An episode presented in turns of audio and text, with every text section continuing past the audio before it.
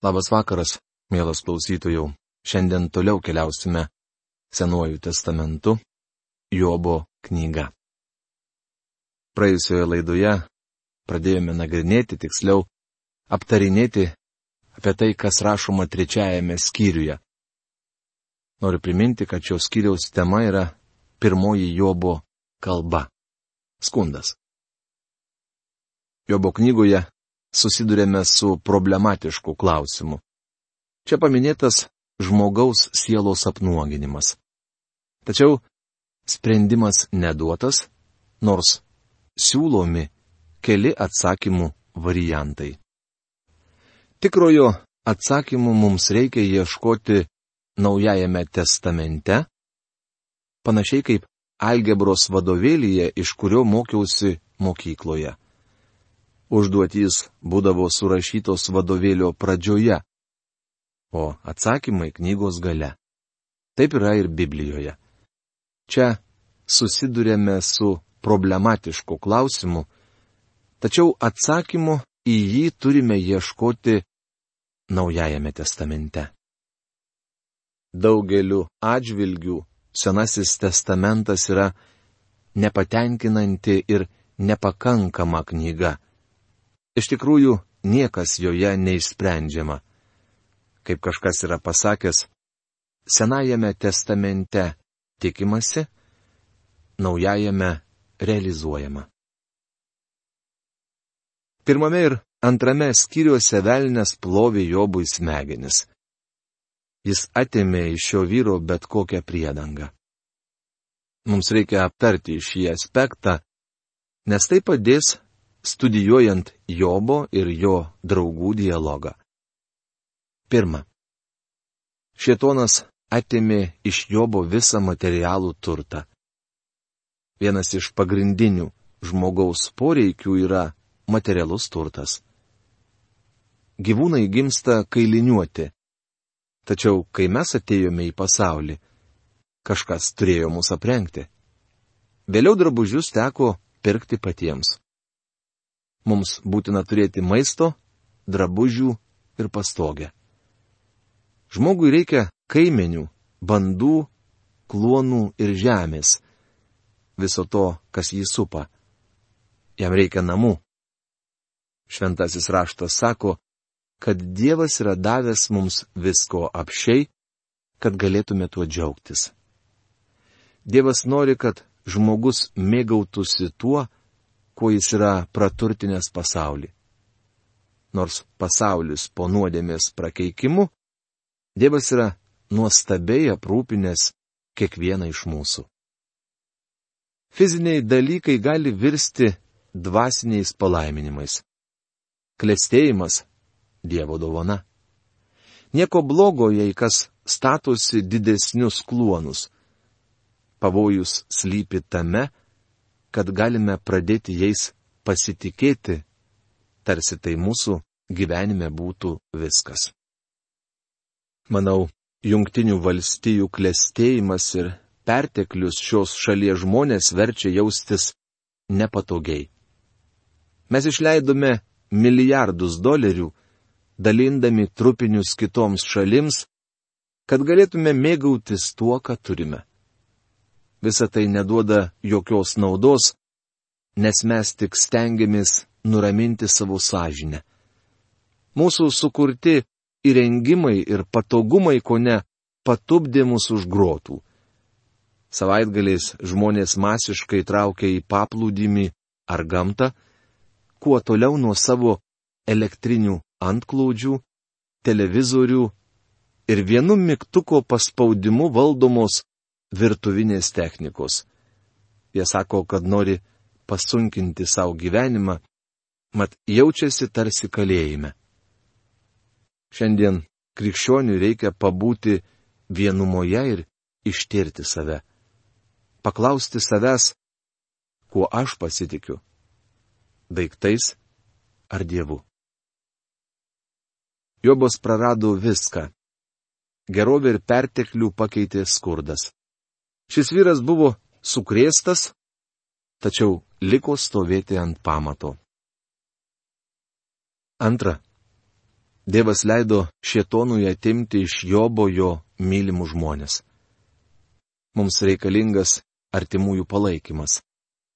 Manau, viešpats padaro kūdikius tokius patrauklius tam, kad mes myluotume juos ir glamonėtume. Juk jiems to reikia. Aš buvau neapsakomai sujaudintas, kai laikiau savo glėbyje pirmagimę, tačiau viešpats ją pasiemė. Šiandien didžiausias mano džiaugsmas - laikyti ant rankų anūkus. Kaip tai nuostabu. Tokius jau Dievas mūsų kūrė.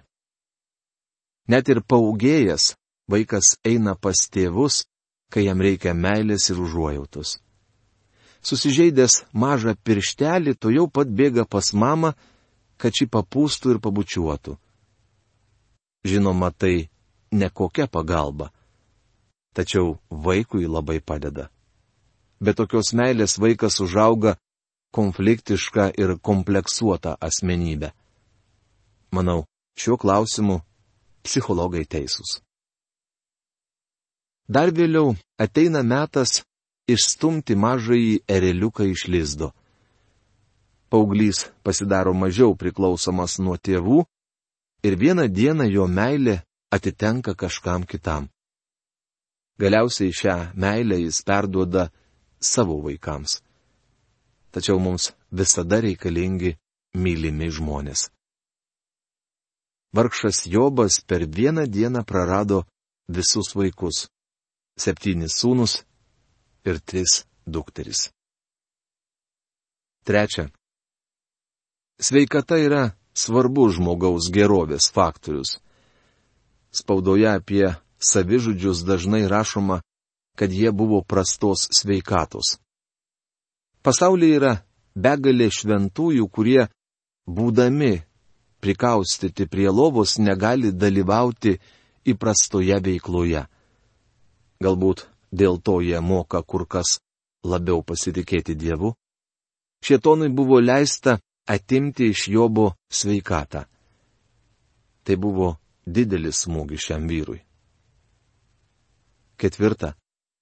Tuomet Jobas neteko savo gyvenimo palydovės meilės ir užuojautos. Dievas davė Adomui padėjėją. Padėjėja reiškia jo kita pusė. Manau, kiekvienam vyrui Dievas yra numatę šonkaulį, turiu omenyje žmoną. Jis įsteigė santuoką žmogaus džiaugsmui ir geroviai. Daugelis ryštingų ir stiprių vyrų, kasdien ištikimai kovojančių priešakinėje fronto linijoje, grįžę namo padeda galvą žmonai ant krūtinės arkelių ir gal net kūkčiodami išlėja savo širdį. Kaip tai nuostabu. Pamatysime, kad Jobas neteko savo žmonos gailėščio ir užuojautos. Penkta. Draugai atėjo verkti kartu su juo, tačiau netrukus Jobas suprato, kad jie tik miražas dikumoje.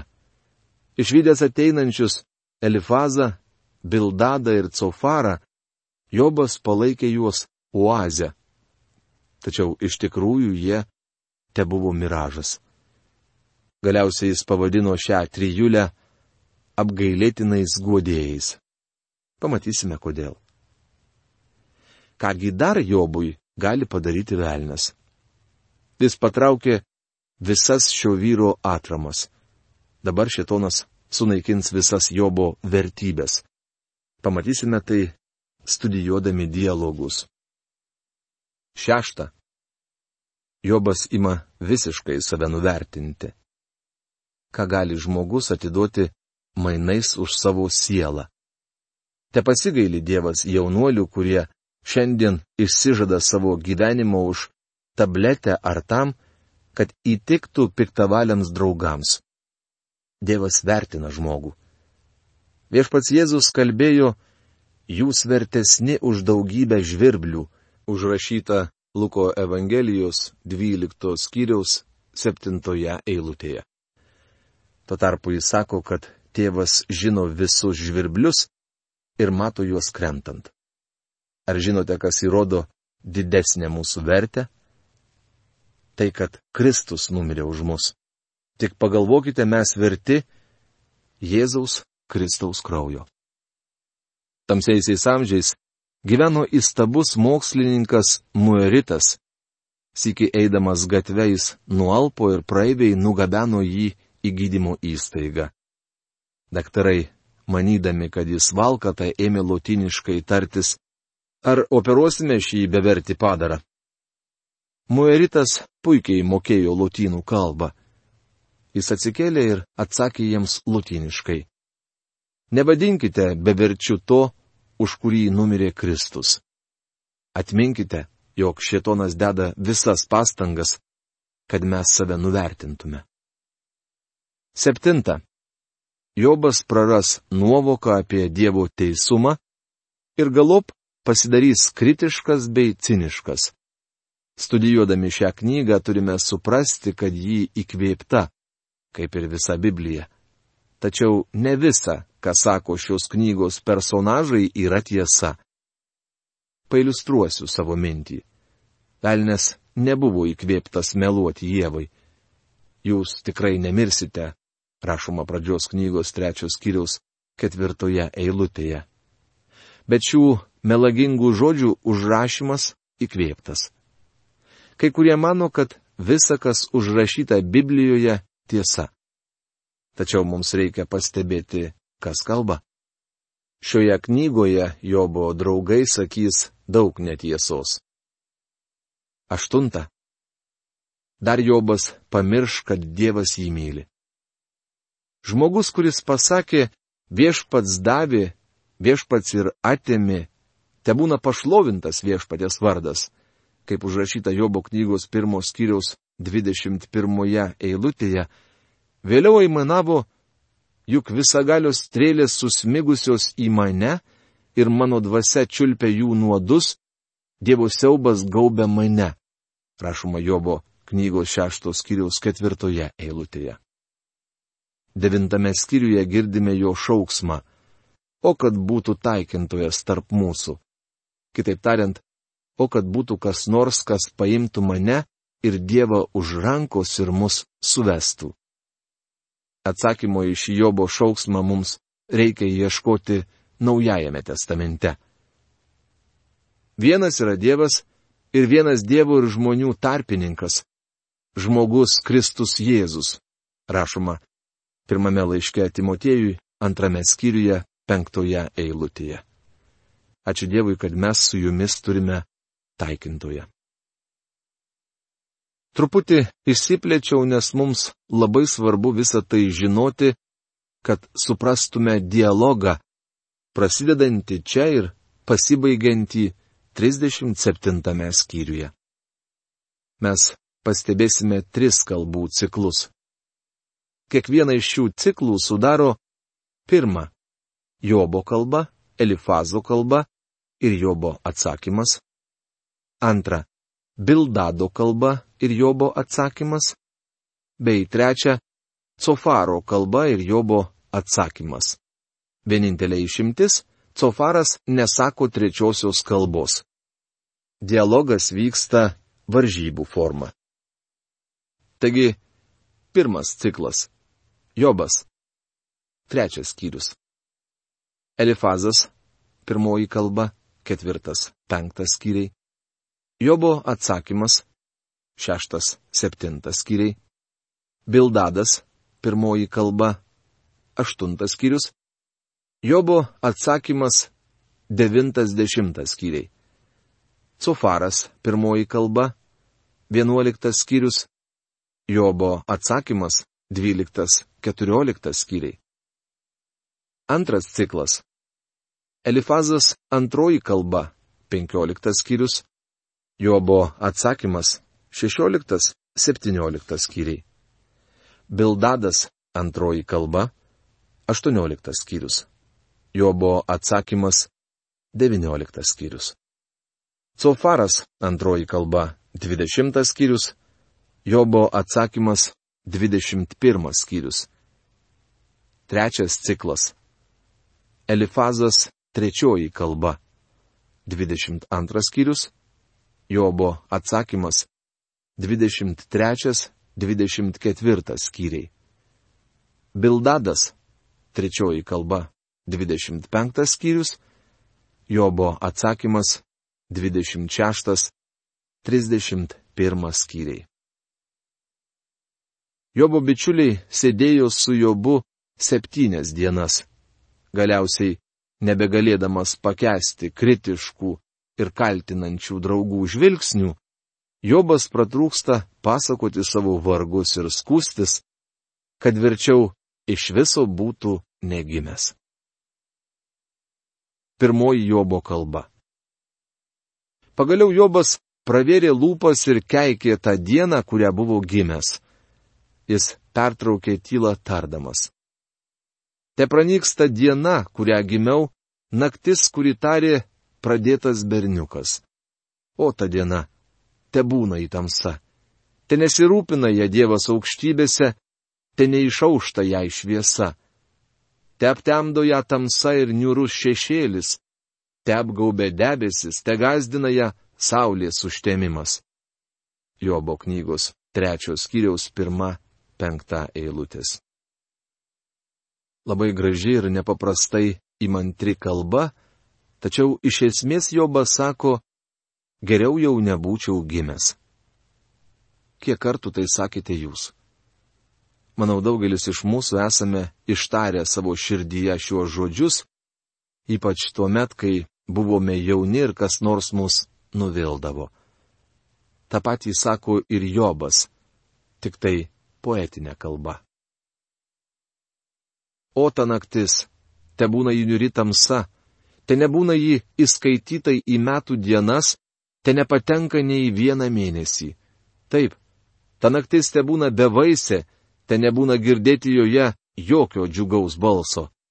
Te keikia ją keikiantis dieną ir gebantis pažadinti lebetaną. Te aptemsta užro žvaigždė, te silgi iš šviesos, bet te nesulaukia. Te nemato į ryto spindulių dėl to, kad nenorėjo uždaryti iššių durų ir paslėpti vargą nuo mano akių. Kodėl aš nemiriau gimdamas? Kodėl išėjęs iš iššių nežuvau? Kamgi buvau pasodintas ant kelių ir duota man žysti krūti? Jobo knygos trečios skiriaus šešta, dvylikta eilutės. Jobas tvirtai drūtai sako, geriau nebūčiau gimęs. Įdomu, bičiuli, kad tokia nuostata niekuomet neįsprendžia šio gyvenimo problemų. Jūs galite gailėtis, kad gimėte, tačiau gimėte ir negalite nieko pakeisti. Galite trokšti mirties, tačiau dėl to nemirsite. Visą tai tuščias laiko švaistimas. Gal kiek padedanti žmogui nuleisti garą. Panašu, kad Jobas nuleidžia garą, duodamas valią jausmams. Gulėčiau dabar ramybėje, miegočiau ir ilsėčiausi draugė su žemės karaliais ir patarėjais, statančiai savo kapavietės. Jobo knygos trečios skyriaus 13-14 eilutės. Jie statėsi savo didelius paminklus arba milžiniškas piramides. Ar draugė su didžiūnais, turinčiais aukso, pripildžiusiais savo rūmų sidabru, kodėlgi nebuvau palaidotas tarsi nelaikšis kūdikis, tarsi mažyliai, niekada nematę šviesos. Jobo knygos trečios skyriaus 15-16 eilutės. Jobas gailisi, kad negimė miręs. Skundžiasi, kad nenuėjo užmarštin. Jis apibūdina mirtį kaip didįjį lygintoją. Visi užmigusieji vienodi. Šiame skyriuje Jobas sako, du dalykus. Jis gailisi, kad iš viso gimė, o jei jau turėjo gimti, kodėl nemirė, kai buvo gimdomas. Štai tokius Jobo norus girdime, skaitydami šį skyrių. Tačiau jo vargas nepalengvėja. Ten žemai nedorėliai liaujasi siausti, ten pavargusieji ilsisi. Ten belaisviai nesupančiuti, jie nebegirdi engėjų balso ten mažas ir didelis lygus, vergas laisvas nuo savo šeimininko. Kodėlgi jis duoda šviesą nelaimingiesiems, o gyvybę sielvartaujantiesiems? Jie laukia mirties, bet ji neteina, jie ieško jos tarsi paslėpto lobino. Jie labai džiūgauja ir smagiai jaučiasi suradę kapą. Kamgi duota šviesa vyrui, negalinčiam matyti kelio, Dievo iš visų pusių apsuptam. Juk dejonė man tarsi duona, o aimanos liejasi man tarsi vanduo. Jobo knygos trečios skyriaus 17-24 eilutės. Jobas vaizduoja mirtį vertingesnę už gyvenimą. Jis teigia, kad gyvenimas didelė našta. Šis vyras nenori gyventi ir tvirtina, kad verčiau mirtų. Jobas sako, kad sutiktų mirti su tokiu džiaugsmu, kaip džiūgauja auksakasys, radęs luitą aukso. Jo padėtis beviltiška ir siaubinga. Ko tik bijau, tas mane pasivėja, ir ko tik vengiu, tai mane ištinka. Neturiu nei ramybės, nei paliovos, nei atvangos, nes užgriuvo kančia. Jobo knygos trečios kiriaus 25-26 eilutės. Prieš kurį laiką Jobas gyveno Uco šalyje, mėgaudamasis ramybę ir gerovę. Jam viskas klostėsi kuo puikiausiai. Visi aplinkui kalbėjo, pažiūrėk į Jobą, jo gyvenimas išties nuostabus. Šis vyras sako, tuo metu gyvenau baimėje.